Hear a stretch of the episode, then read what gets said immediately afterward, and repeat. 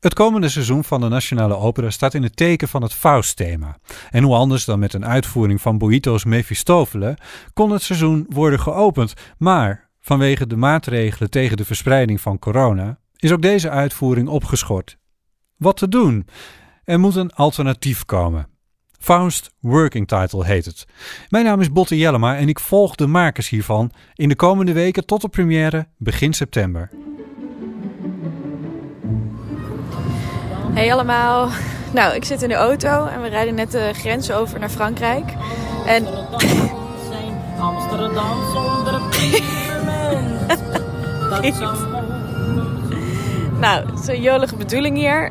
Onder begeleiding van Tante Leen. Dus echt weg uit Amsterdam zijn we niet. Lysenka Heijboer Castagnon, de regisseur van Faust Working Title. Ze gaat een weekje naar Frankrijk op vakantie. Althans, echt vakantie zal het ook niet worden. Maar misschien is deze week wel stilte voor de storm. Want volgende week beginnen de repetities. Nog 35 dagen tot de première. Dit is de update van zaterdag 1 augustus. Ik heb goed nieuws, want uh, alle arrangeurs en componisten hebben hun deadline uh, gehaald. Manoy Kamps, de dirigent en een van de makers van Faust Working Title in een beeldbel vergadering. Straks meer van Manoy over de muziek. Zijn bij het team veel zorgen over hoe er omgegaan moet worden met de regels tegen verspreiding van corona. Moet het team bijvoorbeeld preventief worden getest? Er wordt een gedeelte van onze team verwacht om zich preventief te testen, ja of nee. Gaan we wel of geen mondkapjes gebruiken. Um, en samen daarmee hangt, of eigenlijk dat volgt allemaal uit, ook de vraag: mogen figuranten wel of geen contact hebben met elkaar? En ik weet, Lysenka, dat dat voor jou vrij essentieel is om heel snel te weten. Want moet Lysenka in haar regie rekening houden met dingen als handen ontsmetten op het podium, in beeld, als er een handeling is verricht en dingen zijn aangeraakt? Bij de gedachte eraan moest Lysenka een beetje giechelen. We weten globaal wat we gaan repeteren, dus op basis daarvan kunnen we het natuurlijk ook goed organiseren. Er, hang ik heel erg vast? Hoezo? Nee. Ik hoor helemaal niemand. Ik, ik voel gewoon uh, dat de repetities uh, dichterbij komen en dat ik steeds beter moet weten wat, wat we gaan doen. Dus ik word ja. er zenuwachtig van als je dat hardop zegt. Ik denk dat we heel veel met handgels moeten gaan werken. En, en bijvoorbeeld één ding zou kunnen zijn als we die uh, glijbaan gaan gebruiken, dat iedereen even zijn handen weer uh, met een handgel doet. Ik vraag me gewoon af in hoeverre moet ik dat gaan integreren in mijn regie. Of wordt dat iets wat we gewoon wat voor de repetities geldt? Of dat zijn een beetje de dingen waar ik mee zit. Um, want ik, ja, ik, ik begin wel een beetje op een punt te komen dat ik echt wel een soort van wat concretere dingen wil voorbereiden om iets te hebben om mee te beginnen. Um, maar ja, ik kom gewoon steeds tegen dingen aan dat ik denk, oh ja, ik weet eigenlijk helemaal niet of dit wel kan. Er zijn protocollen voor de podiumkunsten. Er zijn protocollen bij de Nationale Opera. Maar dan is er de weerbarstige praktijk nog. Ik snap je punt. Het lastige is gewoon dat heel veel we zijn, we zijn er enorm het wiel aan het uitvinden met z'n allen. Dus ja. je, we, je zal ongetwijfeld nog heel veel van dit soort dingen eh, tegen gaan komen. En we moeten gewoon per situatie met elkaar bekijken. Hoe gaan we het oplossen? En wat gaan we, weet je wel, hoe gaan we dit aanpakken? En als, als je mensen van de glijbaan af laat glijden, oké, okay, dan moeten ze dus daarna hun handen schoonmaken. En dat moeten we dan met elkaar gaan bedenken. En als we er dan in de flow achter komen dat het niet werkt of dat het overdreven is, dan kunnen we het aanpassen.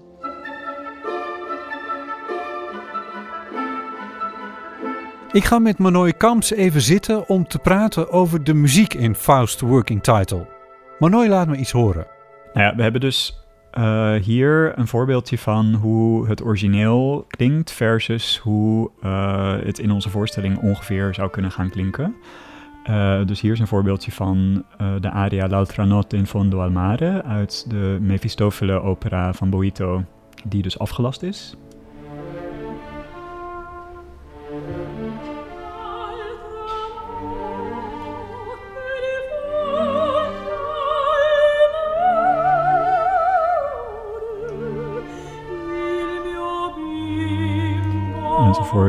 Dus je hoort eigenlijk dat het heel dun georchestreerd is en dat de zang eigenlijk heel veel ruimte heeft. Um, dit, dit komt uit het archief van DNO, hè? 2004. Ja, dit is gewoon de, de, de Calorizzi dirigeert. Maar wij hebben dus gevraagd of deze aria dus, uh, ja, wij noemen het reimagined, dus hergeïnstrumenteerd en op, opnieuw bekeken kan worden door in dit geval Grace Evangeline Mason, dat is een Britse componiste. En um, we hebben eigenlijk met heel veel verschillende componisten en arrangeurs gewerkt. En bij iedereen was de opdracht een beetje anders.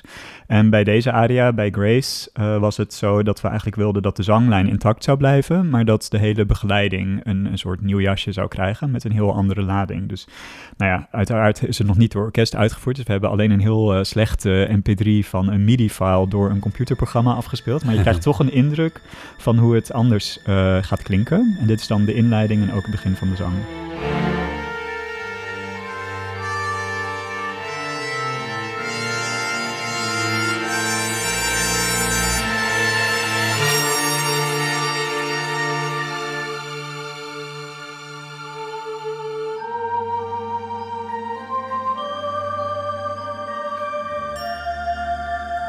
Dus je hoort eigenlijk dat de inleiding juist heel groot en intens is. En op het moment dat dan de zanglijn erbij komt, wordt het eigenlijk ja, een stuk dromeriger of Ja. zo.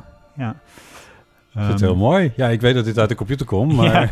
Ja, ik bedoel, het is, het is sowieso heel mooi. En we waren, Lisenk en ik waren eigenlijk heel erg geraakt en verrast toen we dit kregen. Want nou ja, we hebben met alle, of tenminste ik heb eh, namens het hele team met alle componisten en arrangeurs eigenlijk eh, uitgelegd waar het project over ging. En wat we eigenlijk voor ogen hebben. En ehm, iedereen heeft het natuurlijk toch zelf weer geïnterpreteerd eh, voor hun eigen klankwereld. En eh, nou ja, dit is een heel goed voorbeeld van iets wat we natuurlijk zelf helemaal niet hadden kunnen bedenken. Maar iemand heeft er dus hun eigen invulling aan gegeven en hele andere nadrukken gelegd. En in dit geval waren de restricties dus heel eh, strak eigenlijk. Sommige mensen hebben eigenlijk veel meer vrijheid gegeven. Hier zeiden we echt van, nou, de zanglijn moet compleet onaangetast blijven. En de structuur van de aria moet hetzelfde blijven. Ja. Uh, maar uh, leef je uit op de begeleiding. Terwijl we ook tegen mensen hebben gezegd van... Uh, hier is een koorstuk van Brahms... maar al als ik straks maar één flart ervan herkent, is het, is het ook goed. Er zit dus muziek van Boito in de voorstelling... maar slechts een paar stukken uit Mephistopheles. Andere bekende componisten van wie iets is te horen zijn bijvoorbeeld Handel, Mahler en Schubert. Namen van het bekende repertoire. Maar er is in de wereld veel meer dan dat. Misschien minder bekend en mogelijk onderbelicht, zo zegt Manoy. En omdat ons project eigenlijk heel erg gaat over het uh, blootleggen van ja, de alternatieve geschiedenissen. En ook misschien geschiedenissen die überhaupt niet geschreven zijn. Uh, hebben we enerzijds gevraagd aan uh, componisten om bestaande muziek dus eigenlijk te herzien en anders te interpreteren. Maar ook hebben we ja, deels nieuwe muziek of onbekende muziek erin gevoegd. Dus bijvoorbeeld van Florence Price, dat is een fantastische uh, zwarte vrouw uit het begin van de 20e eeuw. Uh, wiens muziek nu gelukkig wat meer aandacht krijgt, maar eigenlijk natuurlijk nooit op het operatoneel heeft geklonken in die zin. Uh, muziek van Claude Vivier is dan deels archief van DNO, omdat ze uh, een hele grote theatrale productie rondom zijn muziek hebben gedaan. Maar hij is eigenlijk niet een traditionele operacomponist en hij is ook heel, heel jong gestorven. Dus zijn muziek is ook um, ja, dat voor mij heel betekenisvol, maar überhaupt muziek die gewoon vaak gespeeld mag worden. En we hebben ook bijvoorbeeld muziek van uh, Julius Eastman. En ik pak even een partituur erbij snel. ik ben benieuwd wat jouw eerste reactie is als je dit ziet. Ah. Joy Boy, dat vind ik een mooie titel in Ja. ieder geval. Ja, en dus daarna, ja, ik bedoel, ik ben, al, ik ben geen prima vista lezer, ik ben een ontcijferaar, maar die, Ja. daar zou ik zelfs nog eh, moeite mee hebben. Ja, ja, want de muziek van Julius Eastman, die een zwarte eh, queer man was, eh, is ook erg queer. Eh, in de zin dat de muziek zelf gewoon eh, helemaal niet de standaard regels volgt van de, de klassieke notatie en de klassieke muziek. Het staat Dus nog in het- notenbalken, maar daar houdt het dan op. Ja, precies. Ja, dus hij, hij heeft eigenlijk een soort eh, blauwdruk gegeven voor hoe je het stuk kan maken met de groep mensen met wie je aan het werken bent. En ehm, nou ja, dat, dat aan zich is al gewoon compleet buiten wat klassieke muzici gewend zijn over het algemeen. Want meestal zijn we gewend om noten voor ons te zien. En ik heb hier een voorbeeld van een partituur waar dat wel het geval is, van Ja. Berlioz. Dus dan zie je gewoon een pianopartij en een koorpartij. En je ziet precies welke noot je op welk moment, met welke dynamiek, met welke tekst je moet zingen. Tamelijk duidelijke Het is instructie. eigenlijk eh, hoef je het alleen maar uit te voeren. En dan kun je natuurlijk heel veel hebben Ja. over hoe het moet klinken. Maar bij eh, Julius Eastman is het zo dat... ehm, ja, zijn noten zijn een, ja, een uitnodiging om zelf iets te gaan creëren. Ja. en alsnog zijn er heel veel dingen die hij wel heeft opgeschreven. En je moet inderdaad, zoals jij al zei, ontcijferen wat hij bedoeld heeft. Ehm, en verder klinkt elke uitvoering en elke uh, opvatting van een stuk is gewoon dus anders, omdat er zoveel open is gelaten. Het wordt een combinatie van al die verschillende muziekstijlen. En bovendien komt er muziek uit niet-westerse tradities. Eclectisch noemt Manoy het. Maar het heeft ook heel erg weer te maken met die basisgedachte waar we eigenlijk in de voorstelling van uitgaan. Dat we uh, eigenlijk de, de kennis van de geschiedenis gewoon willen, willen belichten. En eigenlijk waar de gebreken in die kennis zitten en waar de, de onderbelichte aspecten van die uh, geschiedenis zitten. Dus uh, die muzikale werelden die we eigenlijk oproepen, dat is een soort verklanking daarvan. En natuurlijk ga je ook in het beeld dat terugzien en in de andere aspecten van de voorstelling, zoals het decor, waar jullie natuurlijk voor geweest zijn geweest. Um, maar de muziek die is in zichzelf al een soort afspiegeling van alle mogelijke geschiedenissen en uh, toekomsten en uh, ja, ook het, het heden, zeg maar. Uh, heb je nog een voorbeeld, toch een klankvoorbeeld van iets wat, we, wat je zou kunnen laten horen? Ik had het net over muziek die als het ware reimagined is. Dus dat heel veel nog herkenbaar blijft en een soort van intact is. Um, maar er is ook muziek die eigenlijk veel meer uit elkaar getrokken wordt. En uh, uh, wel of niet in elkaar gezet wordt, opnieuw, op een heel andere manier. En uh, toevallig bestond er al een stuk wat heel erg Faust gerelateerd was, waarmee dat al gebeurd was. Dat is namelijk het lied Keetje naam Spinrade van Schubert. Uh, wat ik nu niet ook in zijn originele vorm ga laten horen. Maar dat was al fantastisch bewerkt door Rijnbert de Leeuw, uh, componist en dirigent van uh, en medeoprichter van Asko Schoenberg, die begin dit jaar is overleden. Van wie ik ook zelf heel veel les heb gehad en heel veel heb samengewerkt. Dus voor mij is het ook een soort hommage aan hem om dan mm. deze muziek in de voorstelling te hebben. Maar hij heeft dus Kreetje naam Spinrade uh, nou ja, zoals ik zei, eigenlijk uit elkaar getrokken en op zo'n manier opnieuw in elkaar gezet dat het uh, ja, eigenlijk uh, nog meer bij de kern van, van het karakter uh, komt. En Gretchen is uh, heel kort gezegd de, de enige vrouwfiguur in de hele Faust-mythe. dus er wordt op haar schouders gewoon heel veel gedumpt.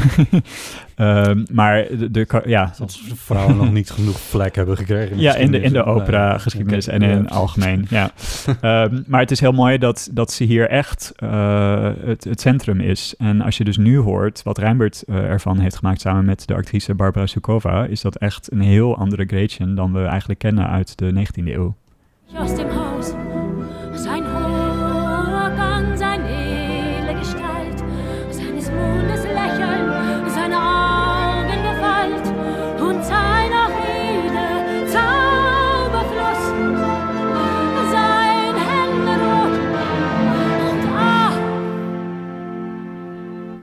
Wie zingt dit nou? Dit is uh, gezongen, gesproken, geacteerd door. Barbara Sukova. En uh, zij was een fantastische, of is een fantastische actrice. Uh, en Rijmert heeft dus deze cyclus, want het komt uit een cyclus, uh, eigenlijk zo geschreven dat het juist niet door een zanger uitgevoerd moet worden, maar echt door iemand met heel veel theatrale talenten. Mm -hmm. En een beetje geïnspireerd naar Piero Lunaire van Arno Schum, Arnold Schoenberg. Um, en nou ja, dit is dus een cadeautje, want Gretchen am Spinrade is een van de meest populaire uh, ja, liederen over Gretchen. En Rijnbert heeft dat dus al helemaal opgeblazen tot, tot dit. En dit was eigenlijk nog niet eens het hoogtepunt van het, uh, van het stuk. Dan moet je misschien maar voor, naar de voorstelling komen. Maar um, ja, daar gaan wij een fantastische uh, inspiratie uit kunnen halen straks. Nu begrijp ik ook heel goed waarom jij je bij dit project liever uh, maker dan dirigent uh, laat noemen. Want je bent het gewoon helemaal aan het samenstellen in feite. Ja, en componeren betekent officieel ook samenstellen. Ja. De oorspronkelijke betekenis. En dat is letterlijk wat dit is. Ten slotte nog even naar Lysenka. In haar auto op weg naar Frankrijk. In de stilte voor de storm nog een berichtje insprekend op haar telefoon. Het is gek om uh, na al deze maanden thuis opeens gewoon het land uit te rijden. Uh, sowieso is het echt een rollercoaster geweest van... Nou, ik moest terugkomen uit New York, hals over kop. En dan vervolgens, wat denk ik heel veel uh, ZZP'ers ook hebben gevoeld... dat je gewoon een tijd lang, en sommige mensen nog steeds, zit ja, met een soort uitzichtloosheid... En toen opeens dat telefoontje van Sophie de Lind. En dat we nu zo begraven zijn in het werk.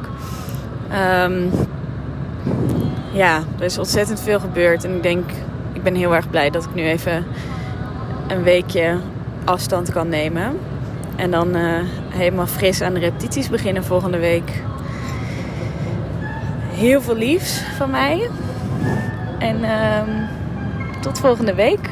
Nou ja, en tot alle Zoom-vergaderingen die we in de tussentijd nog hebben. Doei! Over een week een nieuwe update over deze bijzondere productie van de Nationale Opera. Dan horen we meer over de eerste repetities